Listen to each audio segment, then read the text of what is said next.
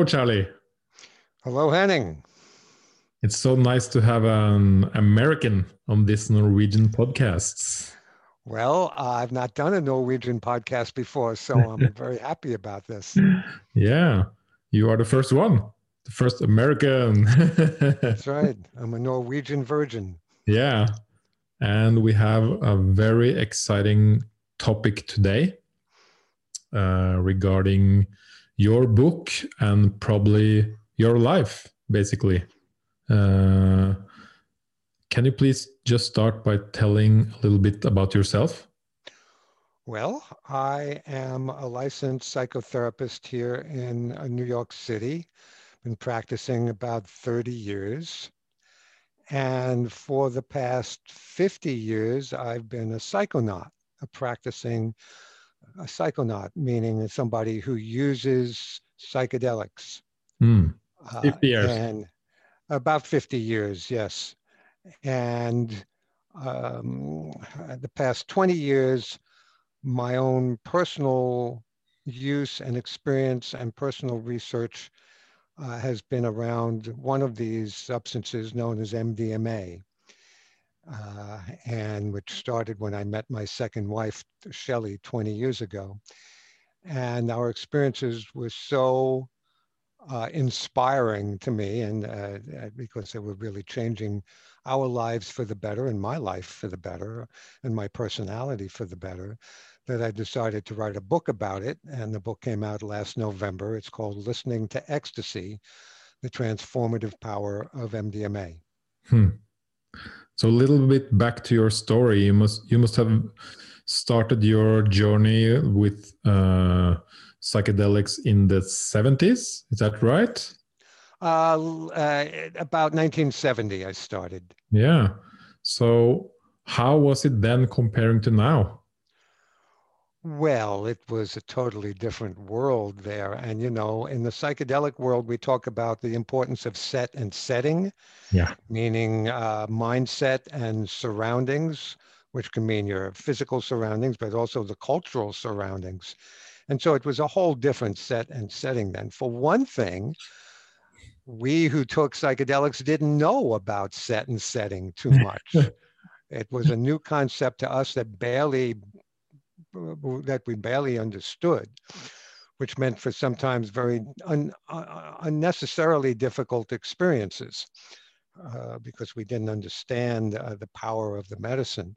Mhm. So, um, so some people uh, experimented pretty recul- recklessly, as some people still do today. Um, but it was also in the middle of great social upheaval and transformation. Uh, I was a part of the counterculture, a, a hippie student radical. And so that was all part of it. Hmm. So at the time, uh, the, the chief substance that created change in our minds and in the world was LSD, Yeah. because we would take LSD and see right through the nonsense, the, the, the BS all around us. Uh, we loved calling it acid because it really burned through all the crap. Yeah. Uh, and we could see how um, everything around us, what was going on, whether it was the Vietnam War, whether it was uh, old fashioned ideas of masculinity and femininity, uh, whether it was uh, hyper capitalism or whatever, we could see that those things were not only uh, wrong, also our, our uh, adversarial relationship with nature. Uh, not only were these things wrong, but they were ridiculous. Hmm. And so we uh, not only opposed this uh, the power, uh, the powers that be, and the status quo, we did something that was much more threatening to them. We laughed at them, and that alarmed them. Yeah. Um, and so they took drastic action to try to suppress it all. Hmm. And that probably has made a lot of the false, uh, like pre-conceptions we have today, right? what happened back then is still uh, hanging on now. The preconceptions about psychedelics, you mean? Yeah. Yeah. Um, yes, it all it, it did start back then. Uh, I say some people did experiment recklessly, and um, every now and then somebody would take too much acid and freak out and and jump out of their window and die. And of course, then the the press would grab hold of this and say, "This is what LSD does to you." Hmm. Um, so there were a lot of scare stories in in in the media. Yeah. How's your journey been through that time, through those 50 years? well, um, that's a short question with a long answer. How much time do you have? uh, it's been a long journey, um, but to uh, bring it forward, uh, I. Uh, because psychedelics became so stigmatized, I kept my own personal use very quiet because I realized that in polite middle class bourgeois society in the 1980s and 90s and into the uh, 2000s, it was not acceptable. It was it, it, one would be held suspect if one uh, considered psychedelics to be a valid means of experimentation or self-discovery. So I was a, and remain a very sensitive person. So I kept it to myself for a long time uh, until around 2004 or so, when the psychedelic renaissance here in uh, in the United States really began to take off, and um, I took courage from that and began to come out of the closet as a psychonaut. Mm. And Shelley, Shelley and I would talk about our experiences, and we would gather with others. Uh, and uh, we realized that there were so many others. Yeah. One of the dictums in the in the community is find the others. And now that you've found psychedelics, find the others because it's all about community, mm. Uh, which is very important here. I don't know what things are like in Norway, but in the United States, and especially in a town like New York City, um, uh, neighborhoods are not really neighborhoods. They're not really communities. Um, there, there's a fracturing of the whole society here. And um, so uh, people you would always, you know, traditionally have their community through their family that we would, they would stay physically close to all their lives and their church or congregation or uh, and, and their neighborhood. But all these things kind of fell apart mm. um, uh, in the last 50 years. So to find a community of like-minded people who had these this uh, little secret that they shared and they couldn't really discuss too much with anyone else was a very bonding and meaningful experience and, and remains so. Mm. Uh, and now, of course, the, the times have changed and psychedelics are no longer being stigmatized. As a matter of fact, now the press reports us talking about how it is um, uh, MDMA and LSD and psilocybin mushrooms can be used for to great benefit uh, for medical and psychological problems.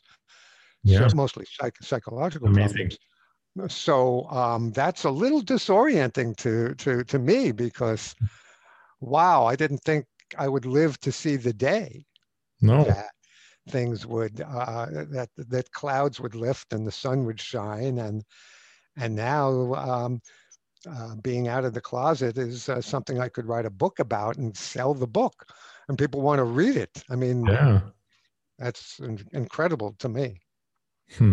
what a nice story and I guess uh, in 2004 and after, like um, a lot of the work they have done at MAPS has been yes. a, a, big part of that change, right?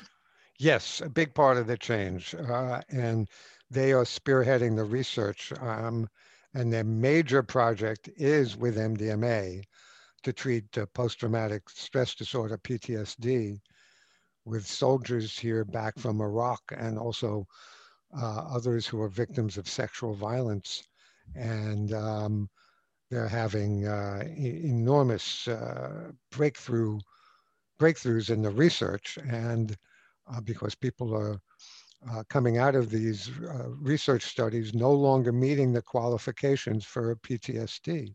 And I mean, this changes the whole discussion, right? When you have correct when you have when you have science with you, it's well, not yes, it's not only science, but because um, it's it's uh, politically unassailable because this is uh, you know the American culture is pretty conservative and pro-military, and the people whose lives are being saved um, with these experiments are mostly military veterans who have terrible, terrible cases of PTSD and which have been destroying their lives and their families.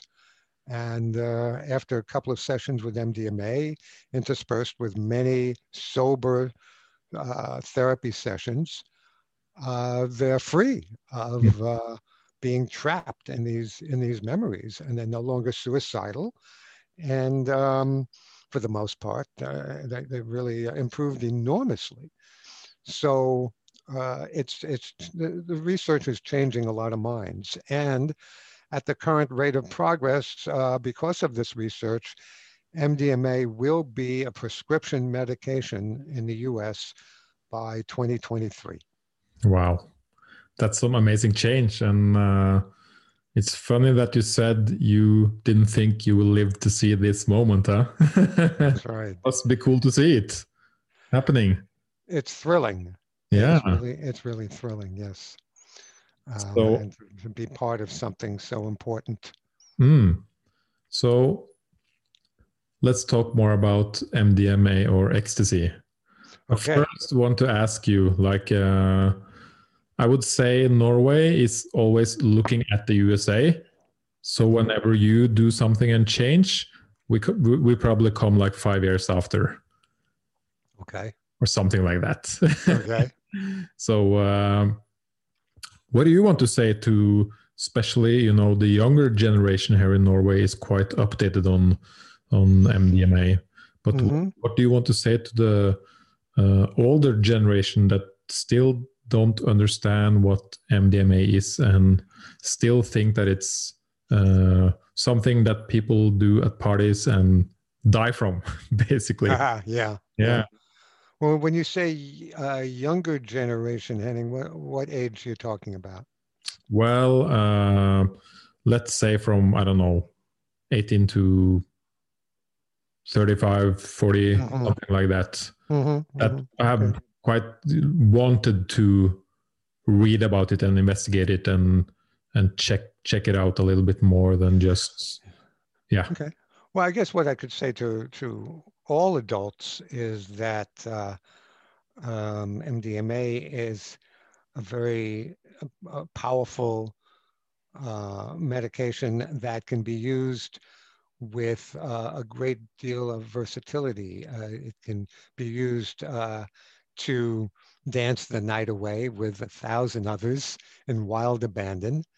And if you know how to stay hydrated, you'll be fine and probably have a very blissful time if you don't do too much and if you don't mix it with uh, other drugs. Um, but it also, the same dosage can be used in, uh, to heal uh, a pathology like PTSD.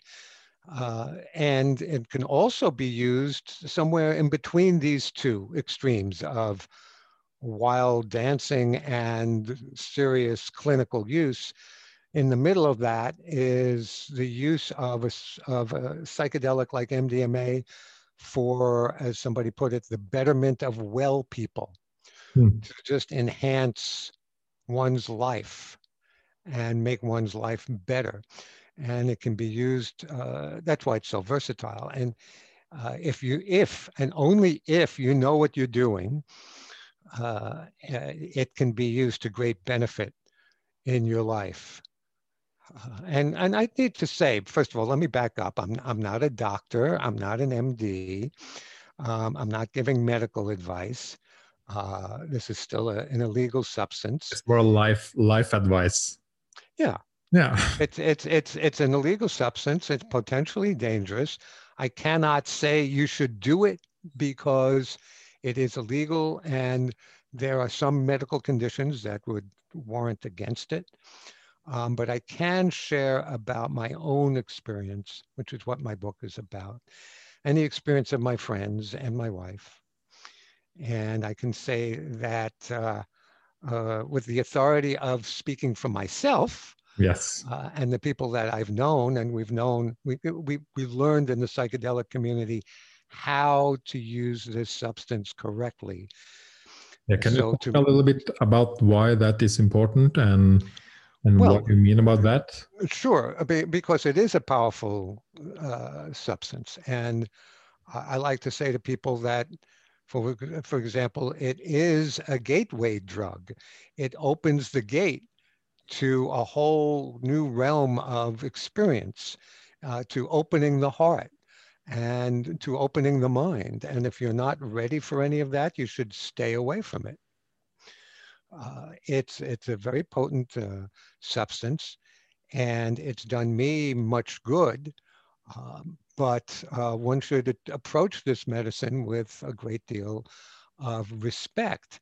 And that means you don't, you, you use, you follow the protocols, the guidelines that I have in the last chapter of my book to, to maximize the benefits and minimize the risks. Hmm. Uh, so, for example, if you're a woman who's pregnant, you shouldn't do it. No. If you're a person who has a heart condition or uh, prone to schizophrenia or paranoia, you shouldn't do it. If you're bipolar or have a history of bipolar disorder in your family, you probably shouldn't do MDMA. Um, so there's some instances where you shouldn't do it. But um, if uh, if you do do it, um, if you don't have any of these uh, counterindications, uh, and you have to do it correctly. You have to do it with the right dose. More is not better. Uh, you do 120. typically a right dose? Well, 120 milligrams uh, is the maximum dose for me. Hmm. Um, uh, other people, especially many younger people, will say, "Oh no, I do 150, I do 200, I do 300."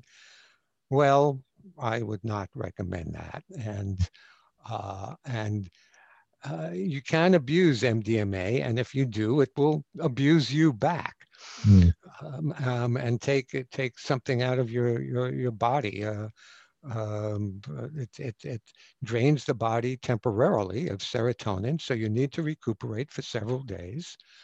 Uh, and if you do that, you'll be fine. I sleep I'm I'm I'm an old man now. I'm 71 years old. So I'll sleep 10, 11 hours after a roll. And the next day I just have an afterglow. Mm.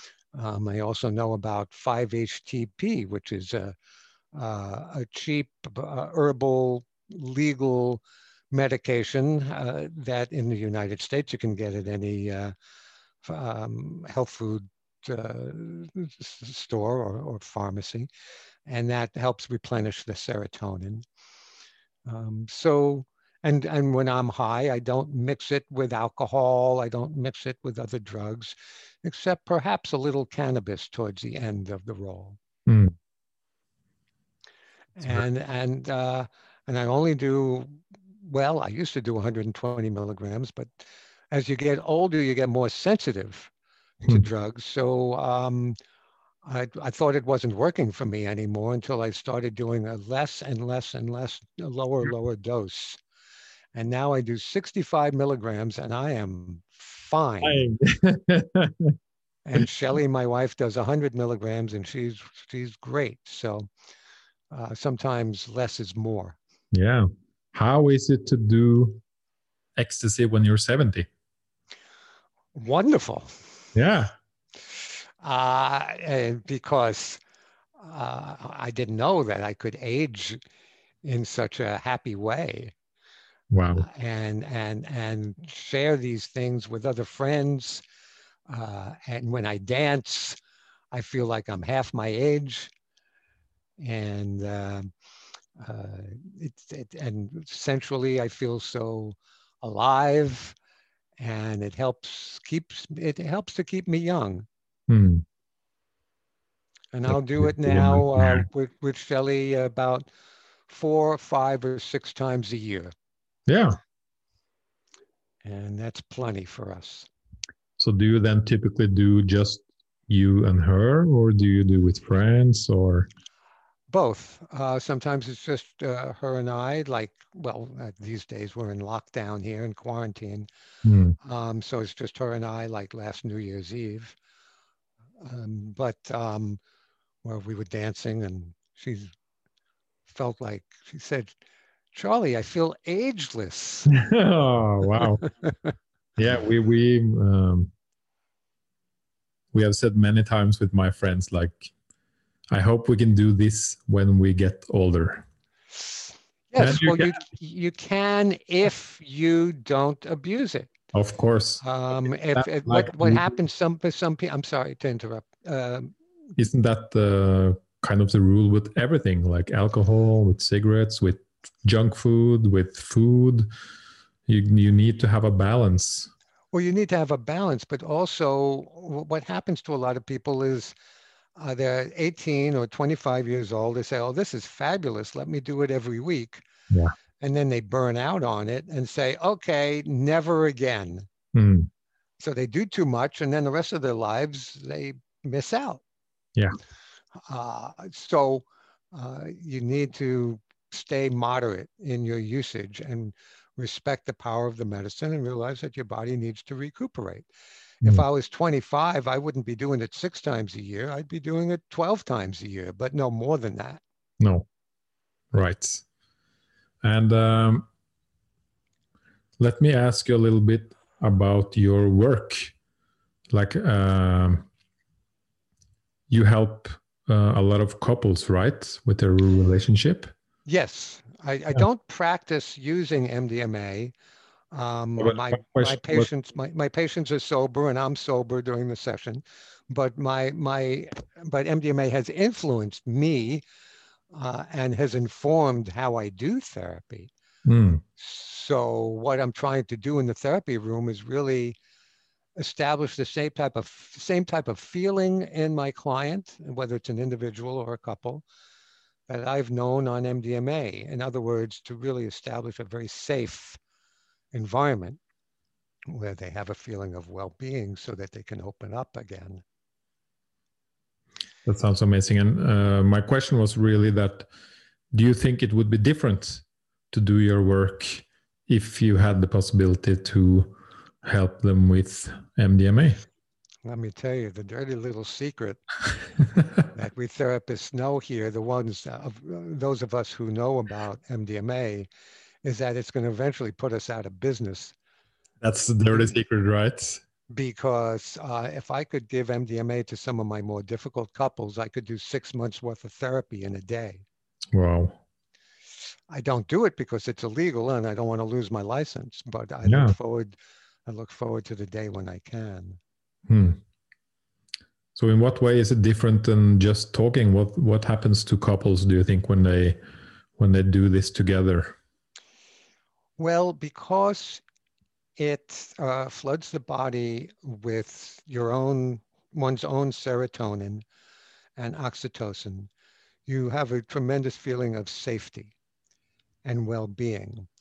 And couples who are in trouble with each other do not have this feeling generally. They don't feel emotionally safe with their partner. But for the for, for those four, five, or six hours, they do. And so they can open up and let the walls down and open the heart and start speaking from the heart and becoming from a more vulnerable place, Hmm. uh, as if their partner is really a partner instead of their adversary, which is what they it feels like they've become. Hmm. And so a session coming from the heart like that and from a more vulnerable and open place can can really be a reset for couples. Yeah. It needs a lot of follow up, a lot of sober follow up sessions, but it can really shift the course of a marriage. And do you uh, think that based on your own experience or your experience looking at friends, other couples? In my experience looking at friends and other couples, um, Shelley and I have been it's our second marriage for each of us, and uh, uh, we are unusually compatible from the start. Yeah. So M- MDMA, it's like our marriage was the cake that we ate every day. MDMA was like the frosting on the cake. Mm. Uh, we didn't need it, but it made it that much more delicious. That's fantastic to hear. And you know it's with our friends and others that we've known, yes, MDMA has helped them uh, be uh, more happily together, whether it's married or living together or just uh, uh, romantic partners. yeah, fantastic. And okay, now let's jump into your new book. Mhm. Tell me a little bit about that one. Now I know more about your life and uh, and what you think and uh, and your experience, and that's kind of the basis of the book, right? Sure.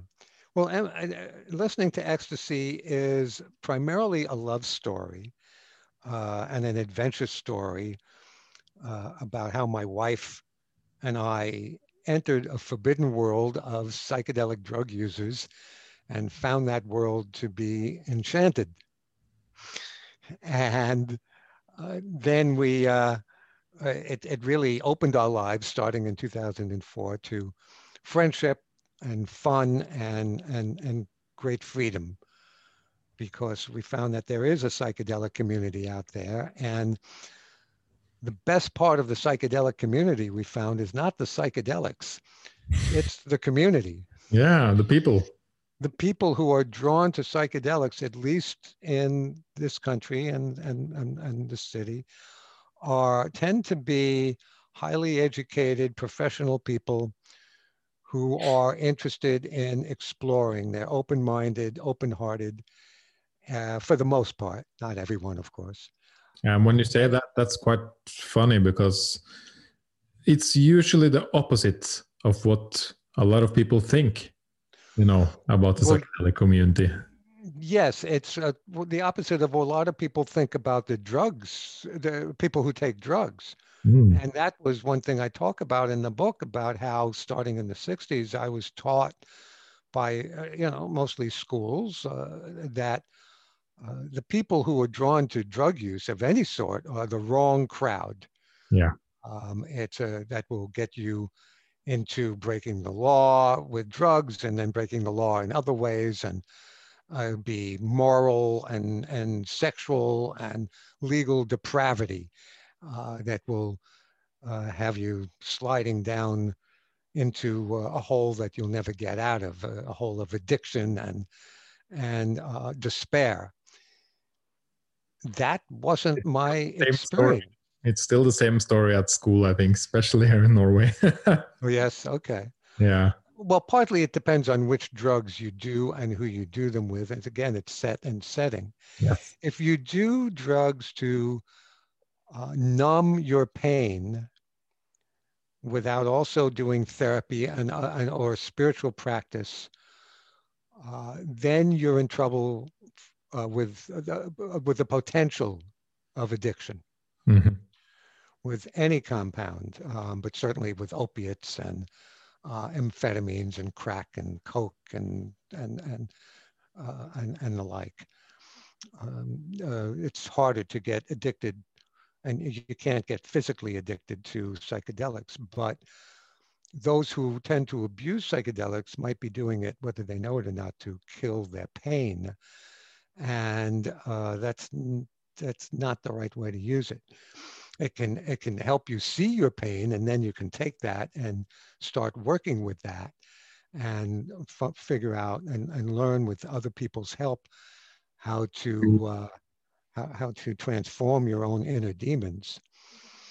Um, but uh, um, so getting back to your to what you're saying here using psychedelics is uh, in my experience is it draws a different crowd than people who use opiates or who abuse alcohol or uh, um, who, who do uh, what I would call harder drugs like crack or, or cocaine or heroin. And, um, And for me and Shelley, it was really the right crowd. Uh, it was uh, the best people we'd ever want to meet. And these people that we started meeting 15 years ago have become our best friends. Hmm. That was kind of the, um, as you say, the love story in the book, right? Yes. Yes. Uh, and it's it's a love story. It's also a joy story because we we found out that play and fun and joy can in themselves be not only valid in their own right, but transformative experiences potentially. Mm. Do you think this is something that is yeah that is easy to kind of forget as life goes on and living in a especially modern city and having work and all of that stuff you kind of forget how to have fun and how to have the deep joy and deep love and and this is kind of a door opening again. And that's really what we're here for. That's our birthright and it's easy to forget that because the uh, the systems that we live under want us to forget that so we can become productive members of society according to their definition.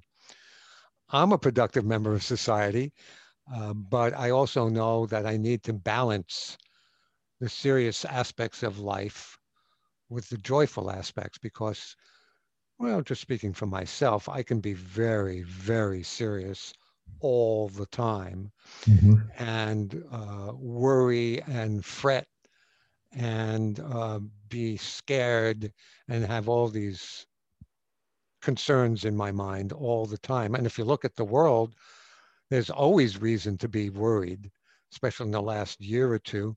There's always reasons to be fretful.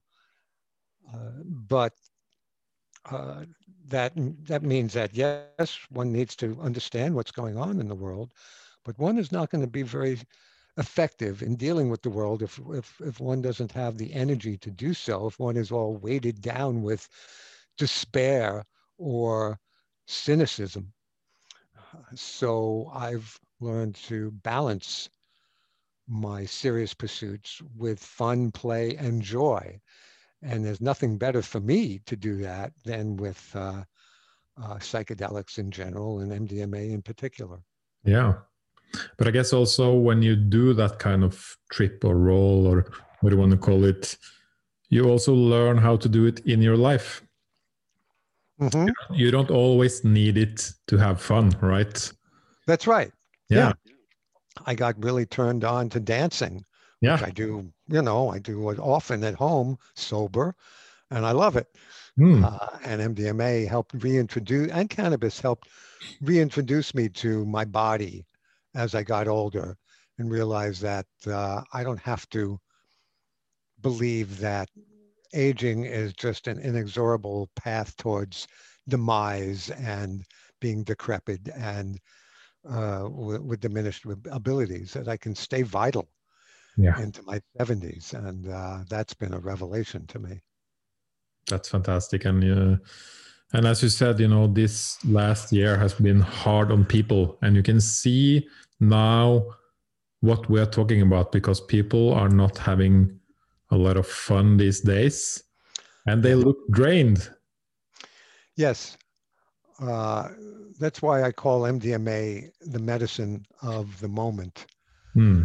Because in this moment of crisis, and in, in my country, we have many crises. Uh, COVID being the, the, the, the predominant one, but also a financial crisis.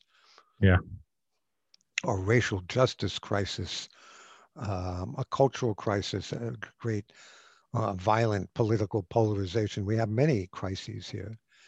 And MDMA uh, can be useful for all these things because MDMA, and I should have mentioned this before when we talked about couples, it sparks in people the uh, the quality known as empathy. And so when it comes to political polarization, for example, I call it the medicine of the moment because uh, it can help me, well, speaking for myself, it helps me feel empathy for people whose political views I detest and oppose and vote against. Uh, but just because I think that their views are wrong doesn't mean I have to detest them as people, doesn't mean I have to demonize them. Uh, and my empathy makes me realize, okay, these people who I, I vote the opposite of, uh, uh, they are decent people for most, for the most part. The great majority of them are decent people who truly love their country, truly want to see what's best for themselves and and for their families and their communities. And we might disagree on how to get, how to solve our problems, but they're basically well-intentioned, good-hearted people and smart. Mm. And um, uh, it it MDMA has helped me develop my ability to empathize with them, not agree with them, but see that uh, uh, they're really decent people.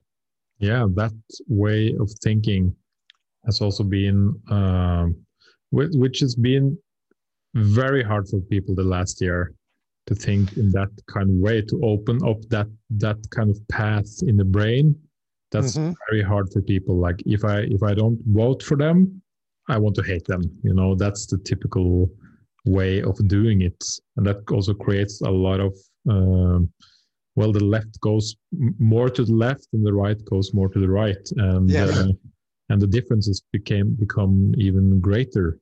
Uh, yes. yeah. And who who benefits from that is what we need to look at um, in this country who benefits are the politicians who are far left and far right and the media and the media. who uh, who uh, makes money out of keeping us out on the edge of our seats um, and they, they make money out of making things look even worse than they are. Yeah. So that we open the, the newspaper in the morning or turn on the, the news at night and go oh, oh my god they're horrible. Hmm. uh, and uh, um, and it makes us uh, more suspicious of each other in this country. And while they make money, yeah, while, while the media makes makes the money doing this. So I, I've learned about this and realized that okay, I need to limit my media intake. So I won't read the newspaper every, or watch the news every day. It's more like every second day, because otherwise I'll just get my body flooded with cortisol and adrenaline and feel feelings of uh, suspicion and even hate. Hmm. And that's no good for anyone. Yeah, it's funny you say that because I'm, I'm I was sitting here earlier today. I'm writing eight principles for having a better life during the pandemic. And the hmm. first principle or rule was to read less news. Yes. Yeah. yes. That's one of the main main thing, and people get also like main thing that people do now because they have a lot of time, and they also get addicted to. Like you need to stay updated. You, I feel I need to put on the news right now. It I need to check what's the death rate now. What's the yes. la- what's latest. It is an addiction, uh, and because it sparks. Uh, adrenaline in, in the body and we get addicted to the adrenaline rush. Mm. Uh, even though it's not a happy rush, uh, it's still uh, a chemical flooding of, of, of, the system. Yeah. And uh, we humans also have a, uh, uh, an evolutionary tendency towards drama. and we love drama. And we love watching a, a train wreck uh, even a slow motion train wreck. We can't take our eyes away, but it's not good for our souls and it's not good for our heart. And uh, we need to be informed, but uh, again, I believe that the media is really their their job to make money and to stay afloat is to uh, make things look even worse than they are. Yeah. And so they're, they're, we're all being manipulated. Hmm. Yeah, and uh, the system is screwed up because they the media needs money, and yeah. they know that it sells. The more yes. you scare, the more you write about violence and sex and, yes. and all the bad stuff happening. the more people buy it and the more they watch it. And uh, so, so what we need then, Henning, is connection. Yeah. Uh, I, I, like to call MDMA the chemical of connection. Uh, it helps one connect. It helps me connect with myself and with my wife and with my friends, uh, with the world at large, and feeling like helps me feel like I'm a part of the world at large, which includes everyone, mm. not just the people who I agree with. Uh, so uh, we need connection. We need community now more than ever. Yeah. And really, really, we need to realize that, well, in my opinion, actually, the biggest political issue is climate change. It's the issue that contains all other issues and eclipses all other issues. It can solve all the other issues in the culture, but if the climate keeps deteriorating, then everything's going to fall apart. So that's the one issue that we all, I mean, we all live on Earth. Yeah. And uh, you say that when you have uh, the nature behind you and I have the world behind me, right? yes. yeah, we all live on the, on this planet, and we all care about subsequent generations and what they're going to inherit from us. And uh, uh, so we need to be aware of that. That's our primary responsibility is to uh, take care of the planet that's taken care of us for thousands of years. Hmm. And that really is a, a universal issue that can potentially bring us all together. Yeah. Whether we want to be together or not, we're all in this together. Hmm. Yeah, it's the one big issue we need to stand together with and work together, even though people hate each other or mm-hmm. they don't agree with each other, or we really need to see go through that. Yes, you know, there's sometimes a, a joke about well, what we really need is an invasion from a foreign, from a from an extraterrestrial. Yeah. Planet or something to bring humanity together and unite. Well, we have this invasion, but it's from within. Yeah. Uh, and uh, it's called global warming and, uh, cl- and climate change. And uh, it's it, the challenge is that it, it, it brings us together because it's, uh, we're all starting to suffer from it, whether we know it or not. And uh, we had all better do something about it quickly or else. And now, excuse my ignorance, but isn't Greta Thunberg from Norway? No, from She's Norway? Sweden.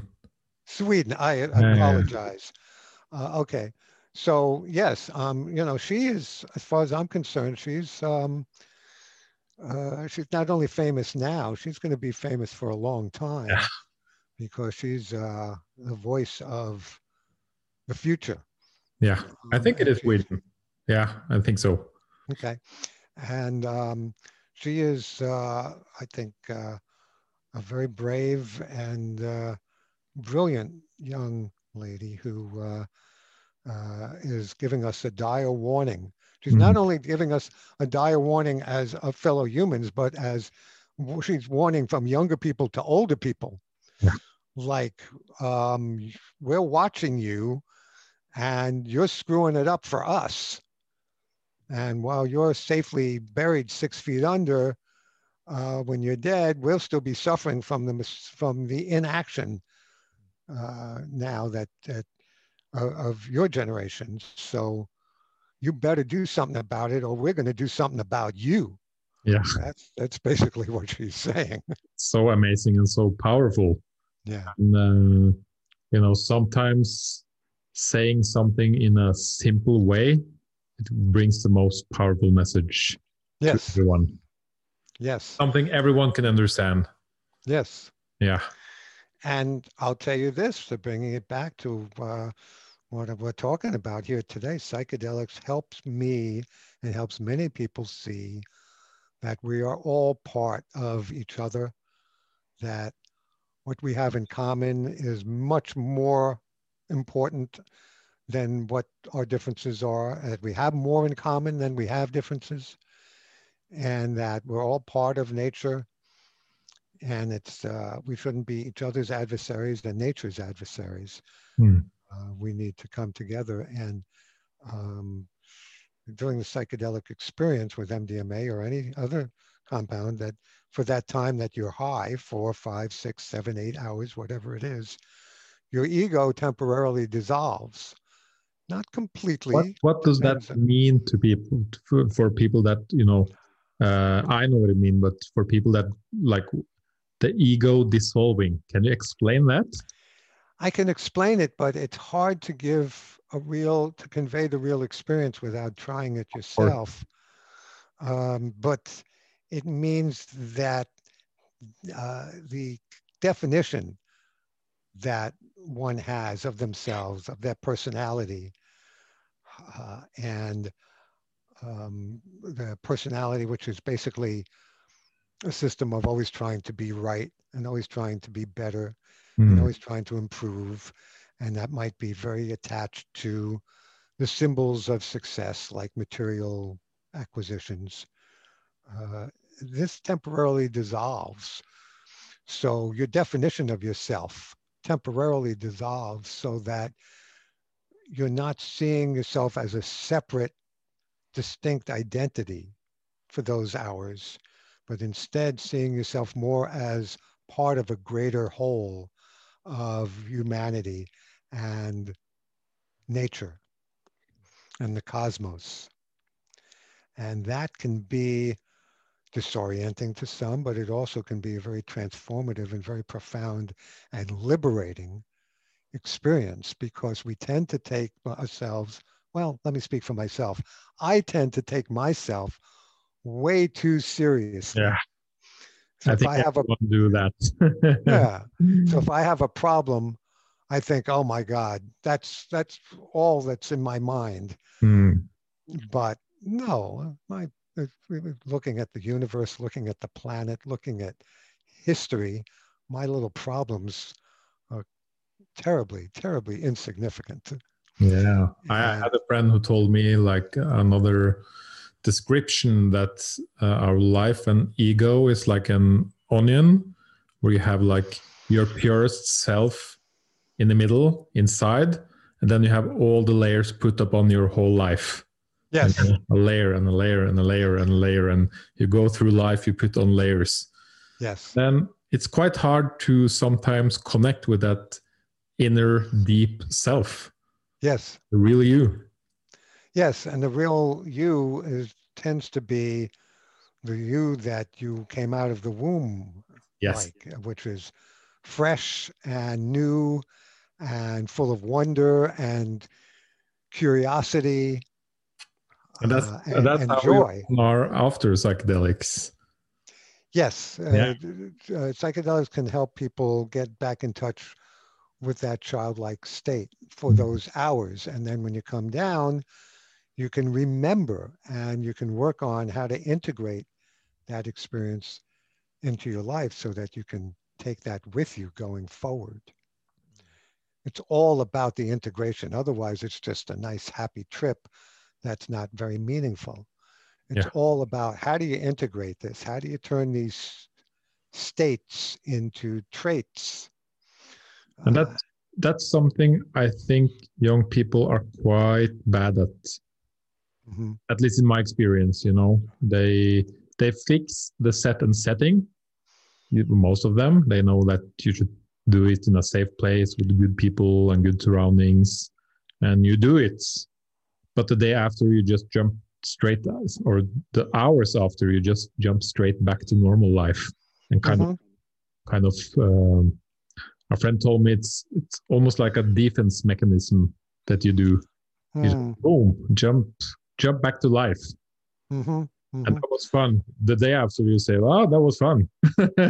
yeah, yeah, and I I don't know. I mean, I I don't want to judge them. I mean, I was young once myself, and I I uh, I took it for granted at the time, and uh, took these drugs for granted at the time. Uh, also, it might be a defense mechanism because something like something that dissolves the ego at a time in your life when your ego is fragile to begin with. I mean, I took LSD in my 20s when I barely knew who I really was. Yeah. So it did me some good. It also did me some harm in that way because to dissolve my ego when I barely knew who I was was not a good thing. Um, so uh, I do LSD now, and it's a it's a much better experience for me. Hmm. That's right. And uh, how do you do the actual integration? What is important? So many ways. Uh, one is is by uh, one is by dancing. Yeah. Uh, one is by being creative. It's a great it's a great way to integrate the experience, and for me that means writing. Uh, another one is that uh, because w- what I'm experiencing when I'm high on MDMA is a great feeling of generosity uh, and gratitude. Mm.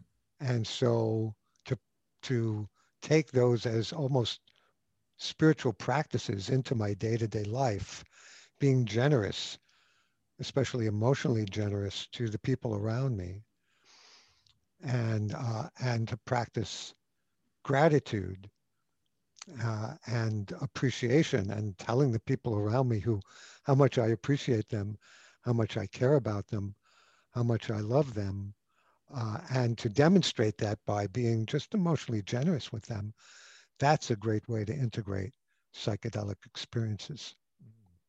Yeah, my um, my psychedelic therapist here in in Norway, he said um, all of the stuff you said, and he said, uh, of course, when you calm down, writing is a great way to just get all of the stuff in your head down.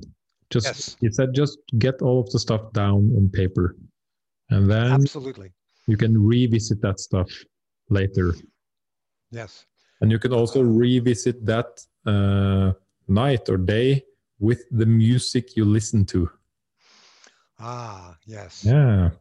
And then I tried that, and he, he said, try to remember one of the songs and then re-listen and see if you get some of the experience back, and that works. That's right. Yes, yes, that's called anchoring.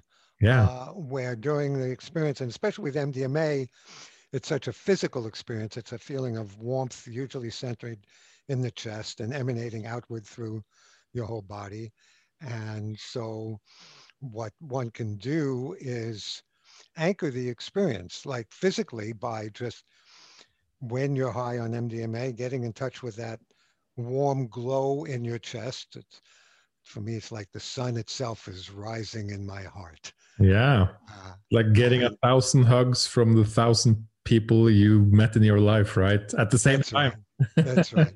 That's right. It's the feeling of telling somebody for the first time that you love them and them telling you they love you too. Yeah. You know, you know that feeling? It's it's yeah. like the best feeling in the world. So um, to feel that in a physical way while you're high, uh, centered in your chest, for example, and then days or weeks or months later to get back to the feeling of being high on MDMA, you can recall that physical feeling in your chest.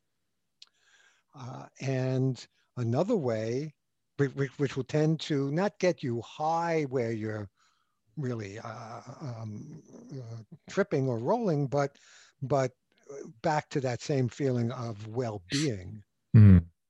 That you had when you were high on MDMA. And like you say, music. Yeah. Uh, you can listen. Um, uh, in the book, there's a story about how Shelley uh, listened to this song by Enya. You know who Enya is? Yeah. Yes. Okay. She's from your part of the world. Uh, and um, uh, she's uh, Irish, I believe, and um, a few hundred miles from you, right? And so she listened to a song from Enya when she was high on MDMA, and it was such a blissful, happy, happy feeling. We were in nature at the time. Uh, it was actually the day after I proposed to her. Wow. And thereafter, she was uh, still working as a nurse at the time and would ride the subway every day to her job. And uh, in uh, after a stressful day in the uh, uh, in, in, the uh, after doing critical care nursing in the hospital.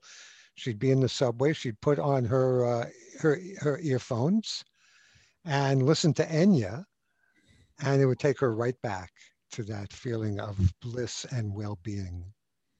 Fantastic! It's like we talked about. It's something about opening those doors that you might forget during your years in life and you it's hard to open up sometimes and and people actually forget what love is and how deep love can feel in your chest in your heart and in your head. Yes. To revisit that isn't you know a lot of people can do it just like that but not all of the people and it's not easy. And uh, and this can be like a uh, tool. As yes. you said, if you do it correctly and if you do it right, to actually open up those doors again. Yes, and that can uh, transform your life at any point in your life. Here in the, in the US, uh, we have a phrase called you cannot teach an old dog new tricks. yeah. Well, I found that to be false. Yeah. Uh, this old dog here has learned many new tricks uh, from uh, from using psychedelics and keeping my mind fresh and open. Mm. And to just think about, I think I read that it's about four. I think it was about four hundred million people living in the world now that have PTSD. Wow. Okay. In the whole world. Okay. And that's if you if you think about that number and think about what you said earlier that that these people at a high percentage can get this treatment mm-hmm. and actually be treated they can go out and like wow that worked. That's yes. amazing. And that will probably change a lot of stuff in the world the coming years i hope. That's the hope. Yes. Mm. because it's basically uh, there's a phrase um, known uh, called uh, "hurt people hurt people." Hmm. Um, so, uh, you know, if you look at well, let's take an extreme example. Adolf Hitler hmm. was probably the most hurtful human being in in in history. Uh, destroyed or, or hurt more people than anyone else. Um, if they studied his childhood, his childhood was horrendous. Yeah. Traumatic. Um, if he had been uh, treated with MDMA when he was 15 or 20 years old, this might be a different world now. I think the ultimate protester thing to do would sneak into the White House or something and sprinkle some MDMA on the water fountain there. well, this is what this was a joke in the 60s. We're saying, let's put LSD in the water supply. Um, but I, I, I have to, I recoil from that because it's, yeah, yeah. It's a joke. Uh, it's a joke and it's and it's an understandable joke. I, yeah. I like laughing at it. Yeah. Um, um, but uh, i would never want to uh, sneak a uh, powerful chemical into somebody's system. That's uh, that's a bad idea. That's not the way of doing it. Right. So in your book you take us through this love journey and you also tell people how to do it safely and correctly. Yes yeah, there's a guide to safe use. It's the last chapter of the book um, to uh, uh, so that you can do it safely and reduce the risk. And uh, yes, it's very important, of course. Yeah, and for what kind of people is this book for? Well, it's for every adult uh, because even, I mean, I have many friends who are not psychonauts. They've never done psychedelics and they never will, uh, who love the book because it's, uh, it's a good love story. And a lot of people, even though they might never do psychedelics, are, are curious about them. Just mm. want to know what's going on there because there's so much press about it and about the, the potential benefits. And you can learn a lot about MDMA reading the book. Um, and if you have any curiosity about MDMA, you, can learn a lot. And and uh, it's also, uh, um, a, a, a, like I say, it's a, it's a love story and an, and an, an interesting story. And it's also the story about not only me for the past 50 years, but the world and the, the changes that the world has gone through. Um, and how it's a different world now with all sorts of new dangers, but also new new possibilities.